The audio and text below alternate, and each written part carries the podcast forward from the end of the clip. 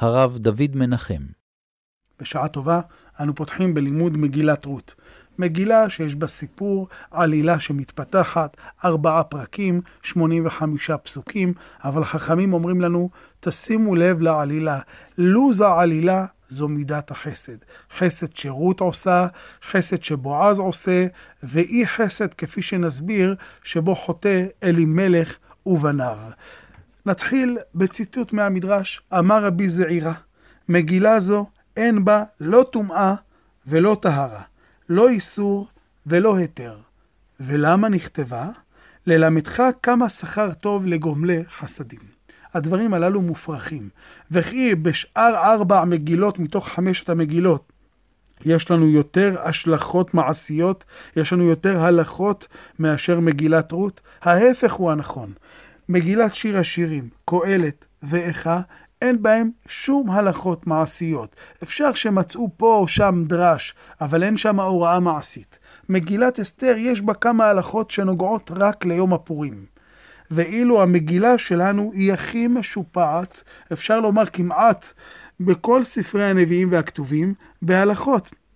הלא יש בה את הלכות צדקה לעניים, פיוס העני בדברים, איך גואלים שדה, איך מייבמים, איך מגיירים את הלכות גיור חכמים למדו מהפרק שלנו, פרק א' של רות, אם מותר לעזוב את הארץ ומתי מותר ומתי אסור, זה שלאדם מותר לשאול בשלום חברו ולהזכיר את שם השם בלי חשש שם שמיים לבטלה, נזכר במגילת רות, זה שבחופה, בברכת חתנים, צריך שיהיו עשרה אנשים, ובכלל זה שמואביה מותרת לבוא בקהל, אז יש לנו פה דינים מאור החיים, יורה דעה, אבן העזר וחושן משפט. הכי הרבה הלכות יש במגילת רות. מה אומר רבי זעירה במגילה הזו? אין לא טומאה ולא טהרה, לא איסור ולא היתר. יש כאן איסור ויש כאן היתר. רבי זעירה בא לומר דבר חשוב. אם קראת את המגילה בעיניים הלכתיות, לא הבנת אותה בכלל. המגילה הזו, עיקר עניינה זה לא ללמד אותך הלכות, אלא עיקר עניינה ללמד אותך את החסד, ללמד אותך כמה שכר טוב לגומלי חסדים, כמה מעלה יש לחסד. אתה יכול לקרוא את כל התורה כולה. לא קראת את התורה ברמה של תורת חסד על לשונה, לא הבנת כלום. את המגילה הזו קוראים במתן תורה כל שנה, חג מתן תורה, חג השבועות, נזכרים שהתורה שלנו היא תורת חסד. עכשיו, נתבונן לדמות הראשונה שמופיעה לנו כאן. תראו, פסוק א', מתחיל, ויהי בימי שפוט השופטים, ויהי רעב בארץ. וילך איש מבית לחם יהודה לגור בשדה מואב, הוא ואשתו ושני בניו. פסוק ב' חוזר ומסביר לנו, הוא מספר לנו למעשה מי זה האיש, ושם האיש אלימלך, ושם אשתו נעמי, ושם שני בניו מחלון וכיליון, אפרתי מבית לחם יהודה, ויבואו שדה מואב, ויהיו שם. פסוק ב' מיותר. הייתי יכול לסדר את כולו בפסוק א'. הייתי אומר, וילך איש מבית לחם יהודה, ושמו אלימלך. וילך עם שני בניו מחלון וכיליון, ואשתו נעמי. הוא הלך לשדה מואב וגר שם. למה צריך לנו שני פסוקים? כדי שנבין את זה, חכמים אומרים לנו על אלימלך דברים מאוד קשים. אלימלך היה גדול הדור. הוא ראה שיש עוני בבית לחם יהודה. וכולם מסבבים את פתחו, ובאים לבקש ממנו אוכל, ועל כן הוא ברח. הוא ברח, אומר רבי דוד לוריה, מבית לחם יהודה. הוא לא רצה לתת לחם לאנשי יהודה. הוא לא רצה שיבקשו בבית שלו לחם הרעבים של יהודה, אז הוא ברח משם. בזוהר ובמדרשים אומרים שהוא היה גדול הדור והוא לא התפלל על דורו. זאת אומרת, מדובר באדם שהוא באמת גדול, אבל הוא מאוד קטן. הוא מאוד קטן כי הוא לא מבין את התפקיד שלו בזמן שאנשים נמצאים בשעות הקטנות שלהם, בזמן שאנשים נמצאים ברעב. יש רעב, רעב גשמי או רעב רוחני, והוא בורח מאחריות, בורח מההנהגה. ובשביל זה הוא נענש, כך אומר הזוהר, כך אומרים חכמים בגמרא. זה בדיוק ההבדל בין, בין אלימלך לבין אברהם אבינו. אברהם אבינו גם עזב את ארץ ישראל. כתוב בבראשית י"ב, ויהי רעב בארץ, וירד אברהם מצרימה לגור שם, כי כבד הרעב בארץ. לכאורה, גם אברהם אבינו עזב את ארץ ישראל. אם נאשים את אלימלך שהוא הפיל את ליבם של ישראל כלשון המדרש, הוא בורח ומשאיר אותם עניים, גם אברהם לכאורה הפיל את ליבם של המאמינים שלו. הם רואים אותו נכנס לארץ בציוויו של הקדוש ברוך הוא, ומיד בורח ממנה למצרים, כי כבד הרעב בארץ. אז מה ההבדל ביניהם? למה חכמים מקטרגים על אלימלך, והם דווקא מאברהם אבינו לומדים הלכה? אומרים, תנו רבנן, רעב בעיר, פזר רגלך, לך למקום אחר. שנאמר, ויהי רעב בארץ, וילך אברהם מצרימה. כך נאמר בגמרא בבא קמא, דף ס'. מה ההבדל ביניהם? למה את אלימלך לא דנים חכמים לכף זכות? ההבדל בין אברהם לבין אבימלך הוא הבדל משמעותי מאוד. אצל אברהם כתוב כי כבד הרעב בארץ. לא היה צנע, הייתה סכנת כליה. כשיש סכנת כליה, אתה חייב לשרוד, רד למצרים.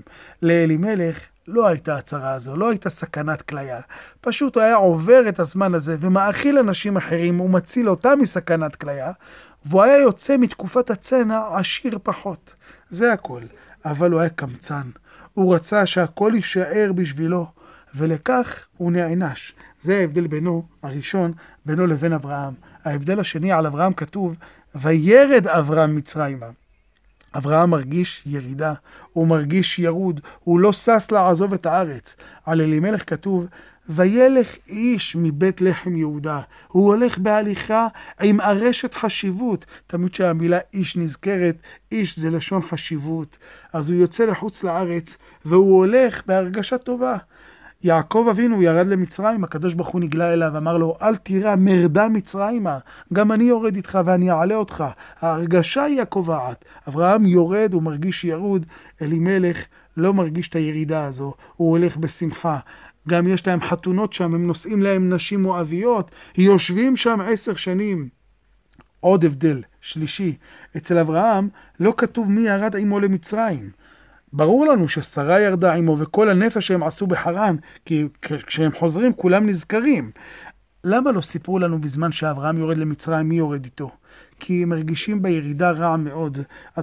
המספר לא רוצה לספר לנו את זה, מספיק להם בצרתם שהם יורדים. הם מתביישים בכך, הם מרגישים ירודים מכך. ואילו אצל אבימלך, אלימלך, סליחה, מפורט בדיוק מי יוצא, הוא, אשתו, שני בניו. גם נעמי יצאה איתו, ונעמי כנראה הסכימה איתו על הדרך הזו. ההבדל הרביעי, אברהם הציל איתו את כל עבדיו, הוא הוריד אותם איתו למצרים.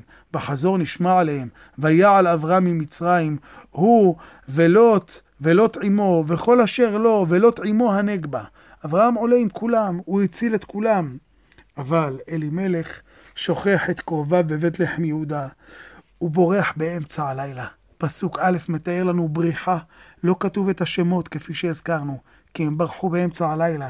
בבוקר כתבו בעיתונים, זהות הבורח ידועה, הבורח זה אלימלך, זה נעמי. בלילה ראו דמויות שיצאו, ראו איש ואישה ושני ילדים, אבל בחושך הם יצאו כגנבים, כבורחים, בחושך, בחשאי.